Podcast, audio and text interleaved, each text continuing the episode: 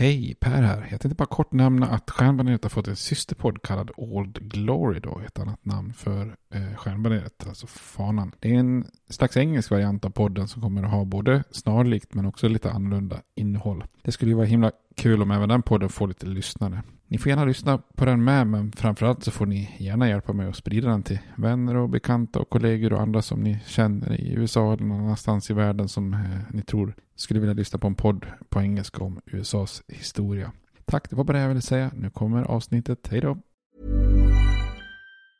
Hey, folks, I'm Mark Marin from the WTF Podcast, and this episode is brought to you by Kleenex Ultra Soft Tissues, your ally to help tackle your allergy symptoms this season. I love the change of seasons, but nobody loves pollen and all those other things floating in the air that make you sneeze during this nice weather. Kleenex Ultra Soft Tissues are hypoallergenic and allergist approved, so fight back against watery eyes and runny noses without worrying about irritating your skin. For this allergy season, grab Kleenex and face allergies head on.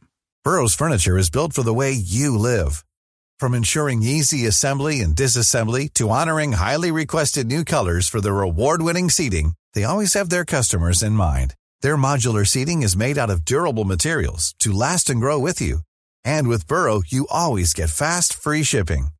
Get up to 60% off during Burrow's Memorial Day sale at burrow.com slash ACAST. That's burrow.com slash ACAST. burrow.com slash ACAST. Millions of people have lost weight with personalized plans from Noom, like Evan, who can't stand salads and still lost 50 pounds. Salads, generally, for most people, are the easy button, right? For me, that wasn't an option. I never really was a salad guy. That's just not who I am. But Noom worked for me. Get your personalized plan today at Noom.com. Real Noom user compensated to provide their story. In four weeks, the typical Noom user can expect to lose one to two pounds per week. Individual results may vary.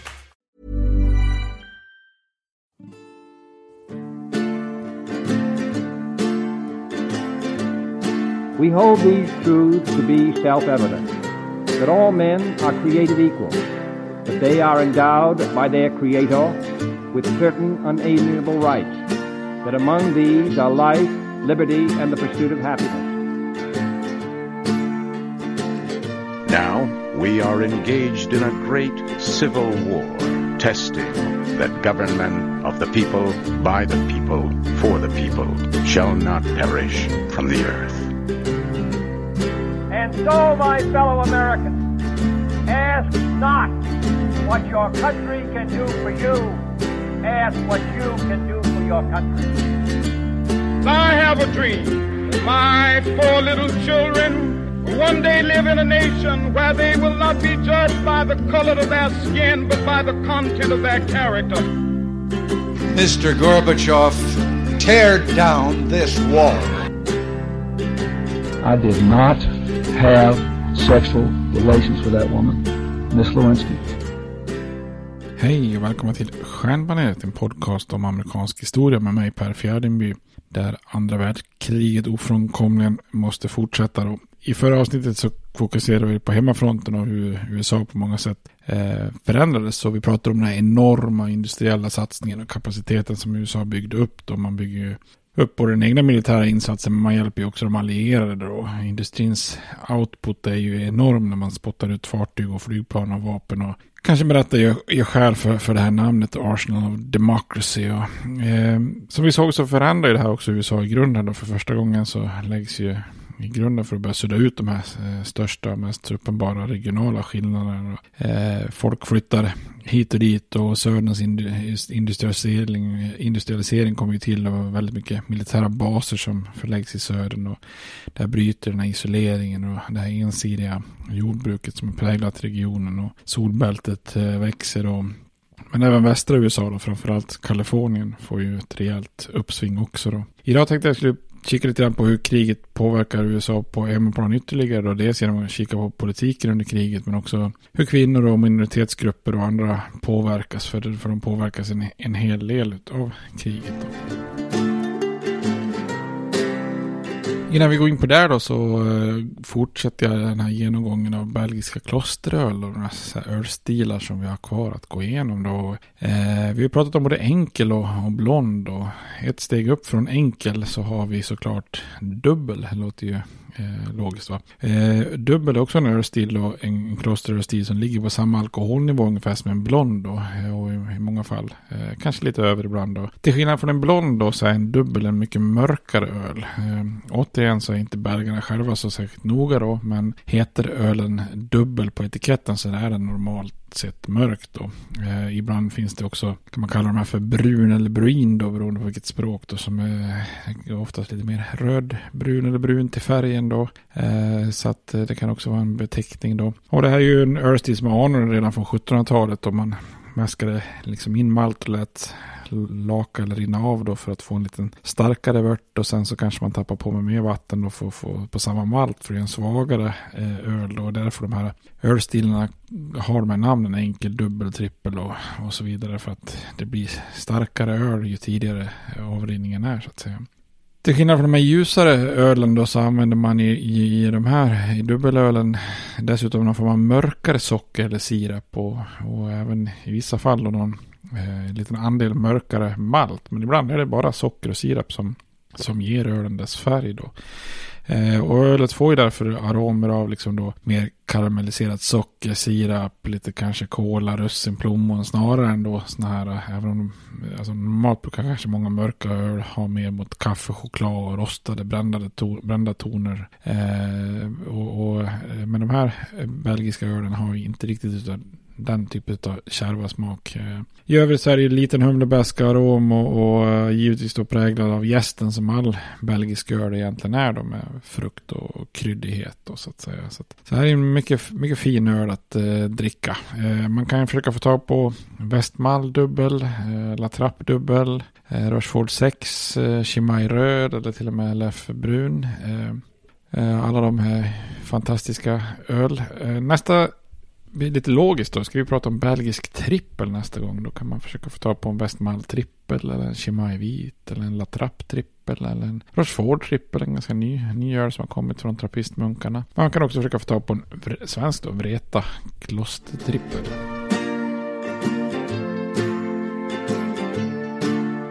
Kollar vi lite vidare på vad som händer i, i USA då. Så eh, det faktum att axelmakternas totalitära styre eh, gjorde det som en väldigt tydlig skillnad mellan liksom det onda och det goda då. Eh, och det faktumet att attacken mot Pearl Harbor hade enat USA på ett sätt som inte riktigt liknade andra krig eh, gjorde ju att Roosevelt, president Roosevelt inte använde lika barska och hårda medel mot kritiker och media och så som till exempel Woodrow Wilson hade gjort under under första världskriget då med propaganda och censur och så vidare då. Eh, ni som kommer ihåg från första världskriget så Wilson hade ju eh, använt ganska mycket av det här med censur och annat.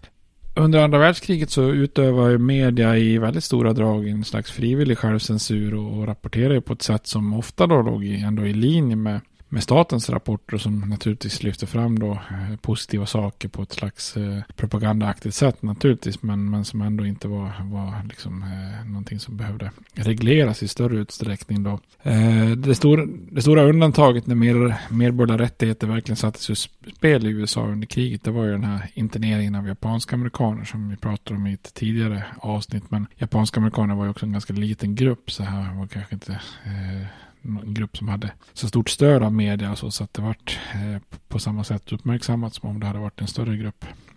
Andra världskriget var och är ju på många sätt Eh, kanske det mest populära kriget i amerikansk historia i, i, i vissa aspekter. Då, med, med, mängder av frivilliga soldater och sjuksköterskor och många amerikaner som investerar stort i krigsobligationer och som stödjer kriget på alla sätt de eh, kan. Då, så att säga. Man, man känner att det är en tydlighet i att man ska kämpa för den demokratiska friheten gentemot de här totalitära regimerna. Då. Eh, I december 1941 så skapade ändå Roosevelt ett så kallat Office of Censorship, då, en slags myndighet som skulle övervaka och kontrollera brev och information som gick in och ut ur landet för att kunna övervaka saker som eventuellt kunde vara skadliga för krigsinsatsen. Då.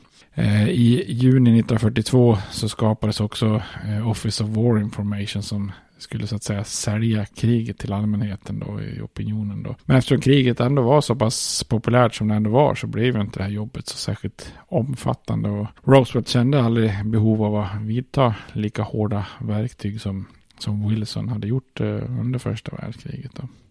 Eh, andra världskriget så skapar ju också mycket möjligheter för grupper som tidigare stått lite utanför arbetsmarknaden eller samhället i stort och som kvinnor och olika minoritetsgrupper då. Eh, I förra avsnittet så såg vi hur industrin gick på högtryck och att många grupper som tidigare hamnat utanför arbetsmarknaden nu behövdes i den enorma efterfrågan av arbetskraft och, och som gjorde entré lite för första gången på fabriksgolven eh, och även i, i den statliga eh, sektorn då. President Ross gick ju ut med budskap om att eh, tidigare hade många eh, inte velat anställa kvinnor och minoriteter men i det här läget hade USA helt enkelt inte råd att vara speciellt fördomsfulla. Då. Det fanns en populär sång som handlade om Rosie the Riveter som skapade historia genom att eh, jobba för krigssegen. Eh, I mängder av affischer då fanns ju bilder på olika så kallade Roses, eh, alltså kvinnor som jobbar hårt och hade starka armar med budskapet om att kvinnor kunde arbeta hårt utan att kompromissa bort sina feminina kvaliteter som det hette. Eh, och för kvinnorna så innebar ju kriget både kan man säga en möjlighet och en utmaning. Kvinnor var ju en av de här grupperna som, som fyllde glappen i industri och som eh, en industri som kan ta emot nästan hur många arbetare som helst. Och många kvinnor var ju stolta över att bidra till krigsinsatsen väldigt konkret. Då. Antalet kvinnor i arbetslivet ökar rejält. Eh, 1940 så hade 14 miljoner kvinnor arbetat. Fem år senare så var siffran över 20 miljoner. Så det är en ökning med 60 procent. eh, kvinnornas löner ökar samtidigt med runt 50 procent bara under de första krigsåren. Då.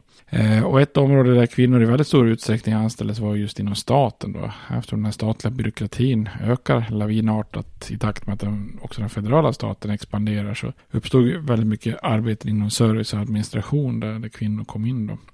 Tidigare hade det ju oftast varit så att det var främst ogifta kvinnor som hade varit de som arbetat och så fort, så, så fort kvinnor gifte sig så var man ju istället hemma med hushållet och barnen medan mannen jobbade då. Eh, kriget förändrade delvis eh, den här situationen då för betydligt fler kvinnor än tidigare som tog anställning under kriget var ju faktiskt gifta och, och även då medelålders. Eh, ett problem för många av de här eh, så kallade nya kvinnorna som yrkesarbetade var ju särskilt kanske de som var gifta med barn. Det var just barnomsorg då. För om männen tjänstgjorde i exempelvis det militära och du som kvinna skulle jobba så behövde man ju lösa barnomsorg på något vis då. Och det fanns ju ytterst få platser eller samhällsservice för just barnomsorg. Det finns det ju kanske delvis fortfarande lite sämre i USA. Då. Och de som hade tur, de kunde ju förlita sig på äldre släktingar eller grannar eller lösare flera familjer igenom eller mellan dem. Men för de som inte hade något alternativ så tvingades barnen ofta bli så kallade nyckelbarn då, latchkey children som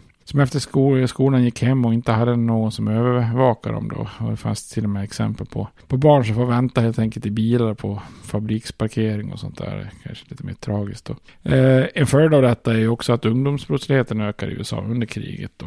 Eh, men för Även för unga så innebär ju kriget också arbete. Mer än en tredjedel av alla tonåringar mellan 14 och 18 hoppar av skolan och, och jobbar under krigsåren. Och eftersom behovet av arbetskraft var så stort så tilläts man helt enkelt göra det. Då. Så antalet elever i, i vissa högre skolor minskar i motsvarande del. Då. Könsrollerna på arbetsplatsen var ju dock fortfarande cementerade. Kvinnor med ytterst få undantag blev ju till exempel inte arbetsledare eller, eller chefer. Då. Eh, men ut, utvecklingen under kriget så knackar ändå på något vis upp kan man säga två sprickor i den här fasaden kring könsroller. Då. Eh, det ena är ju att tidigare hade kvinnor alltid haft en speciell typ av jobb då, alltså kontorsarbeten eller speciella kvinnoyrken då som var mycket sömmerskor, städerskor, hushållerskor och så vidare. Under kriget så arbetade ju många kvinnor jämsides med män på verkstadsgolven i, inom tung industri med stål och svarvning etc. Och det här banar man ju till viss del väg för kvinnor att kunna utföra fler arbeten än bara de eh, typiskt kvinnobaserade. Då.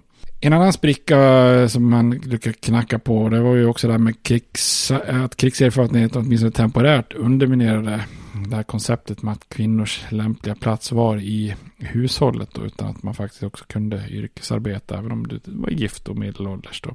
Men det här var ju som sagt sprickor som, eh, som liksom utmanade men som inte i grunden förändrade könsrollerna som vi kommer att se efter kriget. Och mycket var ju fortfarande som det alltid hade varit. att Trots att ökningen av kvinnor som förvärvsarbetade så stannade ju ändå trots allt sju av åtta kvinnor hemma i hushållet. Och de flesta gifta kvinnor i åldern 20 till 35 förväntade sig ändå prioritera barnaförande och hushåll. Och i undersökningen så ansåg också en stor majoritet av både män och kvinnor att gifta kvinnor inte skulle arbeta. Då. Eh, trots det så gav kvinnor, eller gav i kriget många kvinnor viktiga erfarenheter som man sen skulle kunna inspireras av då i, i kommande kvinnorörelser.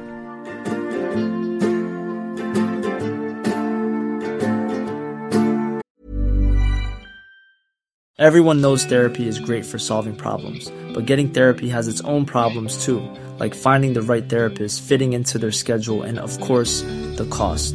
Well, BetterHelp can solve those problems. It's totally online and built around your schedule. It's surprisingly affordable too.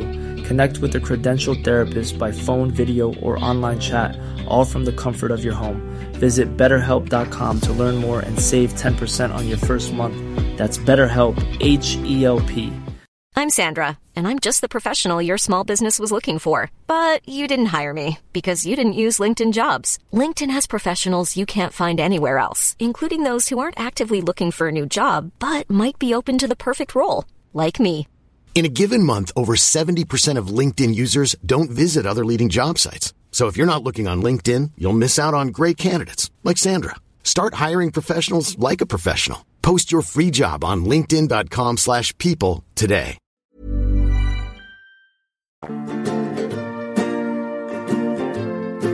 När det gäller minoritetsgrupper så får ju andra världskriget en väldigt stor inverkan på deras liv också då. En grupp som vi redan har pratat om som, som får riktigt illa var ju den här japanska amerikanska minoriteten som tvångsförflyttades och spärrades in i ett antal koncentrationsläger då. När det gäller afroamerikaner så, så tänkte jag inte säga så himla mycket utan jag får helt enkelt hänvisa till den här serien jag gjorde om medborgarrättsrörelsen. Men ni som lyssnade på den vet ju att eh, det hände mycket under andra världskriget då för afroamerikaner som gjorde stora framsteg då.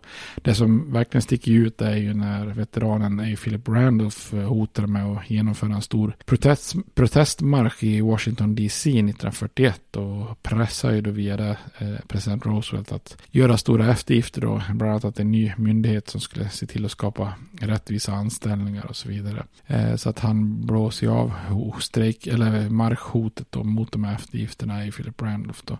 En annan sak som stack ut var just hur många afroamerikaner som för första gången fick arbete inom industrin och den intensifiering som skedde av den här stora migrationen av afroamerikaner från södern till nordstaterna. Så, eh, och nu då även eh, dels eh, västerut mot västkusten då.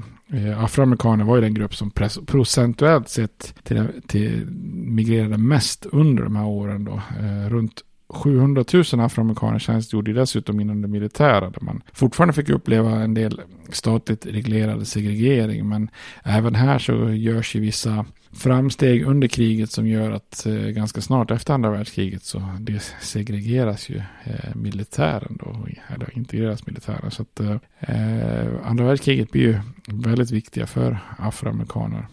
Även minoritetsgruppen av latinos påverkar mycket, påverkas mycket av andra världskriget. Över, för det första så var det över 300 000 latinos som tjänstgjorde i militären. Eh, inte fullt lika strikt segregerade som afroamerikaner men eh, även de var ju oftast ledda av vitare, vita befäl och på enklare uppdrag och så vidare. Då. Eh, på hemmaplan flyttade också många spansktalande latinos från just jordbruksområdena i, i sydväst och i delstater som Texas, New Mexico, Arizona och Kalifornien till de större städerna, mycket på västkusten och, fick jobb inom industrin då. Så här är ju, det är ju nu som många av de här större städerna på västkusten får ganska stora bostadskvarter av både latinos och afroamerikaner som, som man känner igen än, än idag då i städer som Los Angeles och så vidare. Eh, stora grupper av mexikanska arbetare immigrerar också till USA för att fylla då behovet av arbetskraft i sydvästra USA. Då. 1942 kom USA och Mexiko överens om ett system där mexikanska arbetare kunde skriva kontrakt för en begränsad tid och, och arbeta i USA. Då. Det här är ju arbetare som kallas för braceros. Eh, ungefär betyder ungefär den som svänger sina armar på spanska antar att det är lite likt abrazo som ju betyder kram när jag tänker efter. Ja, skitsamma. Eh, latinos utgjorde ju den näst största gruppen egentligen efter afroamerikaner som migrerat till de här växande amerikanska industristäderna. Och eh, mexikanska kvarter uppstår ju i väldigt många städer. Och även om man fram, framförallt som jag sa innan tänker på Kalifornien så är det ju också städer som Chicago och Detroit som för första gången får många latinos som, eh, som söker sig till, till de jobben som har varit där. Då. Och det blir ju en stor skifte för latinos i USA som tidigare i princip nästan uteslutande har varit jordbruksarbetare. Eh, inte sällan då sådana här säsongsarbetare men som nu då blir eh, anställda inom industrin. Då. Precis som afroamerikaner så möttes ju även latinos av rasism och diskriminering både utifrån hudfärg men också språket då. Eh, och det plötsliga inflödet av latinos i städerna skapar ju många gånger konflikt med vita amerikaner. Ungefär på samma sätt som vita många gånger hade svårt för migrerande afroamerikaner. Eh, I Los Angeles 1943 så ledde det här till en större incident då eh, den vita befolkningen i stan ogillade eh, de här unga latinos som drog runt i staden framförallt eftersom de stack ut, eh, inte bara språkligt och kulturellt utan även hur de klädde sig. Eh, man hade en outfit som på den här tiden kallades för suit suits. Eh, suit suits är ju extremt svårt att säga så jag kommer att haka upp med här. Suit suits. Eh, en, alltså en suit, eh, kostym, eh, suit. Eh, en, en sån här suit, suit innebär, innebär att man hade liksom stora långa kavajer eller jackor då, inte sällan med axelvaddar, stora baggy byxor då som var knutna eller fastspända tight längst ner vid fotlederna och det som de som verkligen ville sticka ut kompletterade det här då med långa klockkedjor och breda hattar hattar och såna här lite, vad ska man säga, såna här lite flottiga frisyrer som kallas för ducktail. Alltså man kammar eh, typ in håret bak från vänster och höger och får nästan en slags eh, mittbena där bak då så att säga. 1943 i, i juni så inträffar då eh, det, det, som har gått i historien som Suit Suits uppro, upproret då. De vita sjömän från Long Beach som invaderade mexikanska amerikanska kvarter i Los Angeles och gick helt enkelt loss på befolkningen med våld. Eh, orsakerna var ju fördomar och irritation på den här klädstilen som stack ut och i tider när just tyg ransonerades och de valde då stora baggy liksom, kläder då. Eh, och också fanns det också ett rykte om att mexikanska och amerikanska ungdomar hade attackerat sjömän då.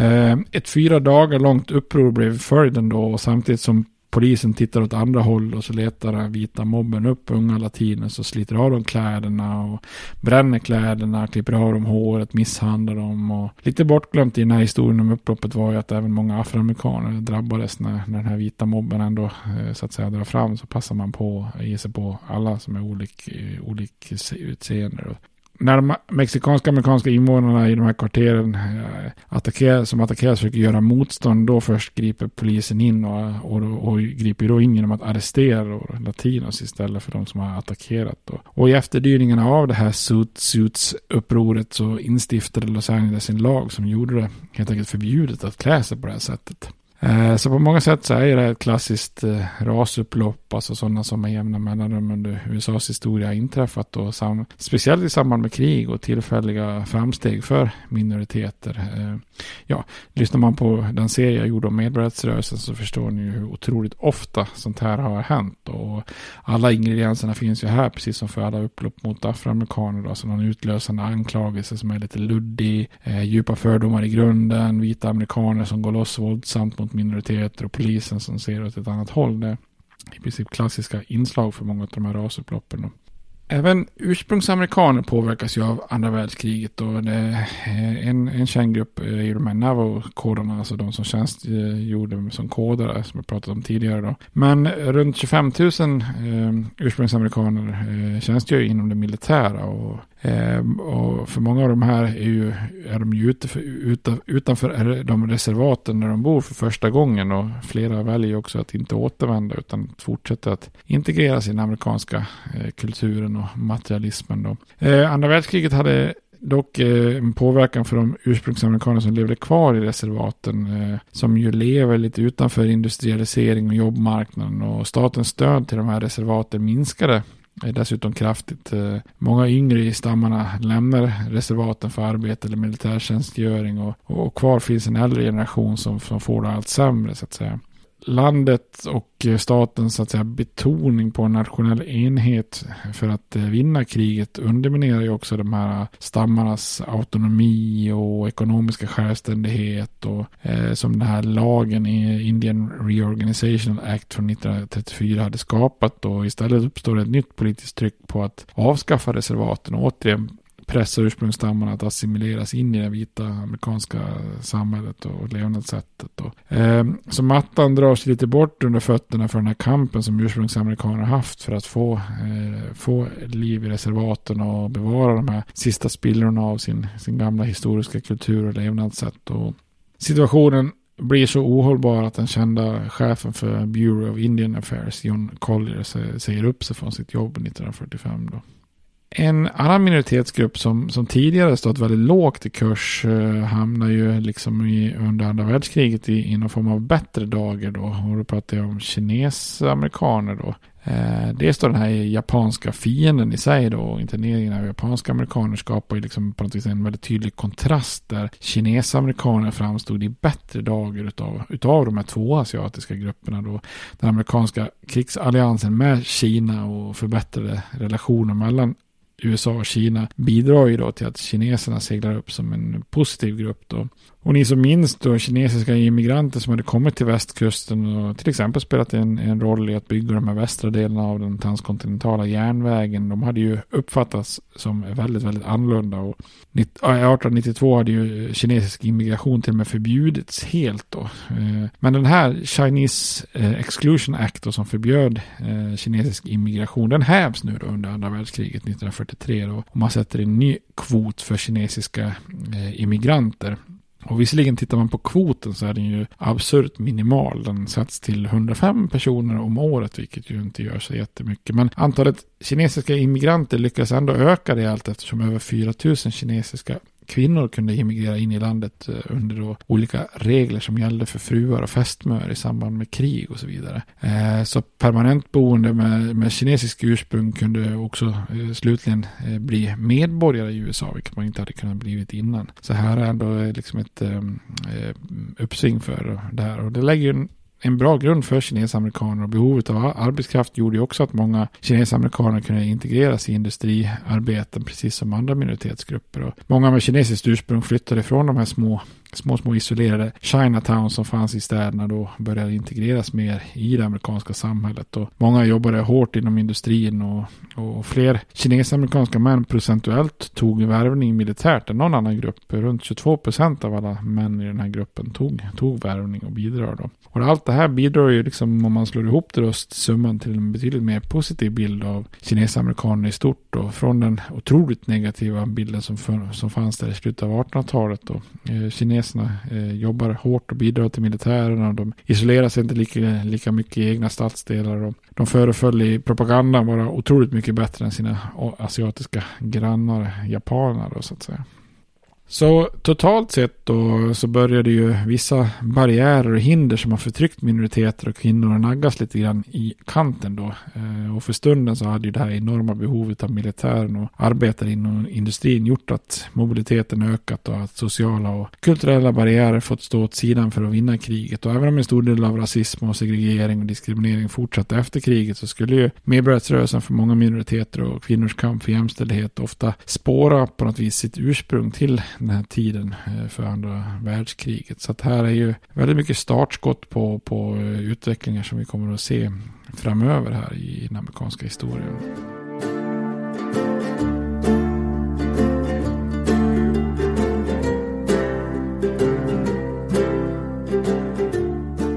Om man kikar lite grann på den politiska scenen i, i USA då. Eh, så rent politiskt kan man ju säga att president Franklin Roosevelt använde andra världskriget för att stärka sitt ledarskap och, och, och även att förlänga sin eh, unikt långa tid i Vita huset. Och, och säkrade Demokratiska partiets dominans som man hade då eh, skapat via den här så kallade nya given koalitionen då. Och som vi har sett så skapar ju försvarsindustrin på högvarv då en enorm efterfrågan inom industri och jordbruk och tillväxten är ju enormt, enormt vilket gjorde då att den stora depressionen slutligen var ett minne blott då. Och Roosevelt uttrycker själv den här förändringen i fokus från, från depressionen till kriget genom att på en presskonferens 1943 säga att Dr. New Deal har trätt tillbaka och Dr. Win the War har trätt fram då. Lite udda sätt att prata om, om sig själv kan man väl säga.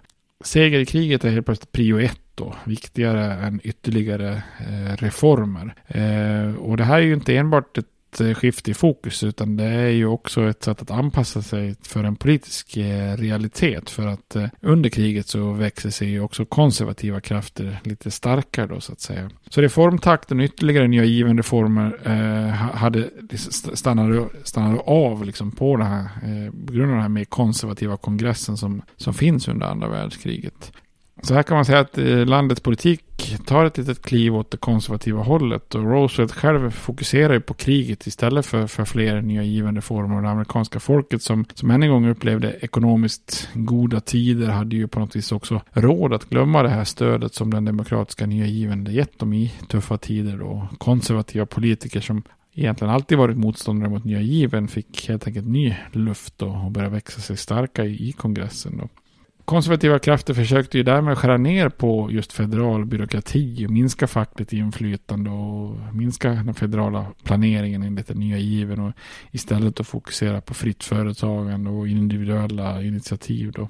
Eh, och liberal, liberal reformpolitik eh, i nya given anda stoppas ju framförallt av en koalition av två grupper då, där den ena var demokraterna från södern som eh, de hade ju via sin rasism och segregering och politiska konservatism, eh, konservatism då en stark tro på delstaterna och helst så liten federal involvering som början då.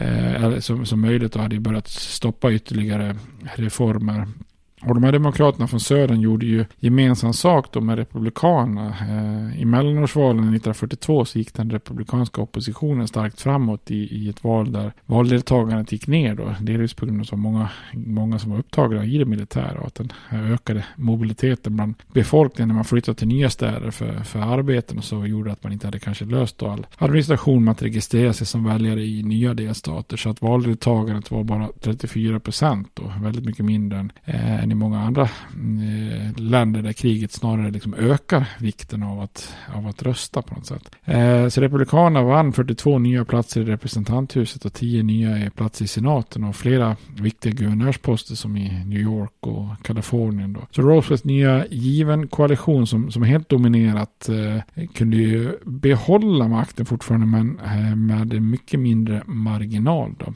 Och tillsammans så börjar ju då den här konservativa koalitionen då eh, attackera eh, den nya given då. Man utnyttjar helt enkelt att kriget, för att liksom, alltså kriget blir någonting som inte har varit möjligt i fredstid. Att man börjar montera ner vissa av de här nya givens myndigheter och program då. Eh, så slutet på arbetslösheten öppnar ju upp då för att lägga ner sådana här saker som Civilian Conservation Corps och Work Progress Administration och liknande. Som ju hade varit till för att skapa jobbtillfällen. Det behöver, sådana myndigheter behöver man ju inte längre nu när, när, när industrin liksom gapar tom och vill ha hur mycket arbetskraft som helst. Då. Så kongressen ser helt enkelt till att eh, lägga ner en hel del av de här nya givarmyndigheterna som, som Roosevelt hade, hade skapat eh, tidigare. Då. Inför presidentvalet och valet allmänt 1944 så, eh, så hoppas ju de konservativa att man ska kunna göra ytterligare framsteg. Då. Inför valet 1940 så hade ju Roosevelt som vi pratade om tidigare brutit den här traditionen om att bara sitta två mandatperioder och inte söka en tredje då. Eh, med ett pågående krig så förväntade sig i princip alla att han nu faktiskt skulle ställa upp igen här nu. Eh, och när han inte liksom aktivt avböjde så var hans nominering mer eller mindre ett faktum utan att någon, eh, någon vågar utmana honom inom det demokratiska partiet då. Eh, för att undvika att demokraterna tappar ytterligare till konservativa krafter så passade ju, pressade emellertid många demokrater Roosevelt då att byta eh, sin vicepresidentkandidat Henry Wallace då, som uppfattas som eh, väldigt liberal då. Eh, istället så är den alltid pragmatiska Roosevelt han, han ser då till att han dumpar Wallace då. Och istället så nominerar partiet den mer moderata och jordnära senatorn från södern Harry Truman då. Eh, och Trumans uppväxt under lite enklare förhållanden i Missouri skulle ju bli den sista presidenten faktiskt att inte vara collegeutbildad sedan han tar över. Truman hade ju fått väldigt god uppmärksamhet genom att vara ordförande i en senats kommitté som hade ett imponerande facit i att undersöka och stoppa slöserier och korruption inom produktion av krigsutrustning och eftersom han då var från en så kallad gränsstat i övre södern så var han ju acceptabel även för partiets konservativa falang då. Trots att Demokraterna nominerar Roosevelt då för en unik fjärde gång så hade ju Republikanerna höga förväntningar då inför valet 1944. Man nominerade då Thomas Dewey, eh, New Yorks guvernör som gjort sig känd för, det, för att som åklagare satt hårt åt mot organiserad brottslighet och Republikanerna försökte också utnyttja missnöjet med demokratiska reformer och krigsorganisation och krigsorganiseringen och då indirekt göra presidentens hälsa också till en valfråga. Och Dewey var ju relativt moderat i sina politiska åsikter och valde att inte gå allt för hårt åt mot nya given då. Istället lyfte han fram demokraterna som svaga för kommunism och spelar också på antydningar om, om Roosevelts höga ålder och bräckliga hälsa då. Och det här är ju en begynnande liksom hård, hård hållning mot kommunismen. Det är ju naturligtvis något som blir väldigt eh, tydligt efter kriget när vi kommer in på kalla kriget. Då. Men eh, det här gjorde att Dewey och Republikanerna inte förespråkar liksom då någon återgång till isolationismen då som, som Republikanerna tidigare stått för. Man försökte skap, skaka av sig den eh, obstruerande stämpel som partiet hade fått liksom i slutet av första världskriget när man till exempel motsatte sig att eh, USA skulle ansluta sig till Nationernas förbund. Och istället lyfte Dewey fram vikten av att USA skulle ha en eh, stor roll i bevarandet av världsfreden och bildandet av en ny internationell ordning med FN som grund och förespråkade då partiövergränsande utrikespolitik. Så man kan säga att från den här stunden så är ju verkligen den här tidigare isolationismen som frågan nu på många sätt dött, dött ut för en väldigt lång tid framåt i den amerikanska utrikespolitiken då.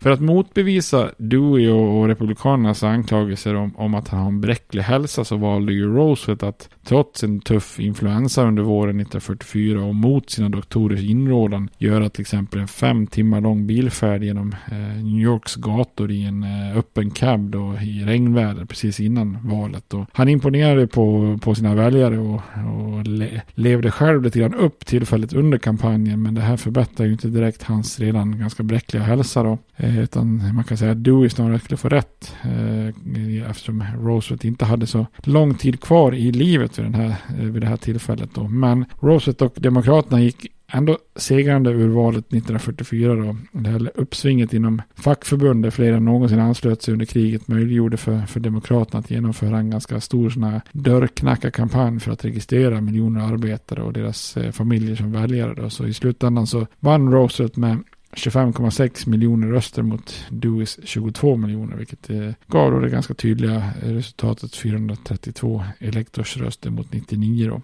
Så för första gången i USAs historia så hade en president, eh, eller för första och enda, hade en president vunnit en fjärde mandatperiod då. Och Demokraterna behöll också greppet om kongressen då. Truman blev därmed också den tredje vicepresidenten som Roosevelt hade då. Eh, den här gången betydde det dock någonting eftersom han inom kort skulle ta över. Men eh, när Truman tar över och vad som händer efter valet 1944 när det är dags för USA att leda leda landet till seger i andra världskriget. Det tänkte att vi pratar mer om eh, nästa avsnitt. Tills dess så får ni ha det bra. Hej då. States like these and their terrorist allies constitute an axis of evil. And if the hippies and the yippies and the disruptors of the systems that Washington and Lincoln as presidents brought forth in this country will shut up and work within our free system of government, I will lower my voice. If the impeachment provision in the Constitution of the United States will not reach the offenses charged here, then perhaps that 18th century Constitution should be abandoned to a 20th century paper shredder. Therefore, I shall resign the presidency effective at noon tomorrow.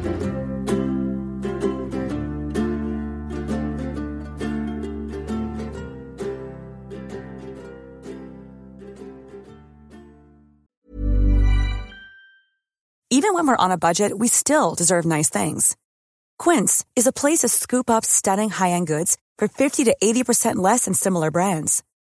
They have buttery soft cashmere sweaters starting at $50, luxurious Italian leather bags, and so much more.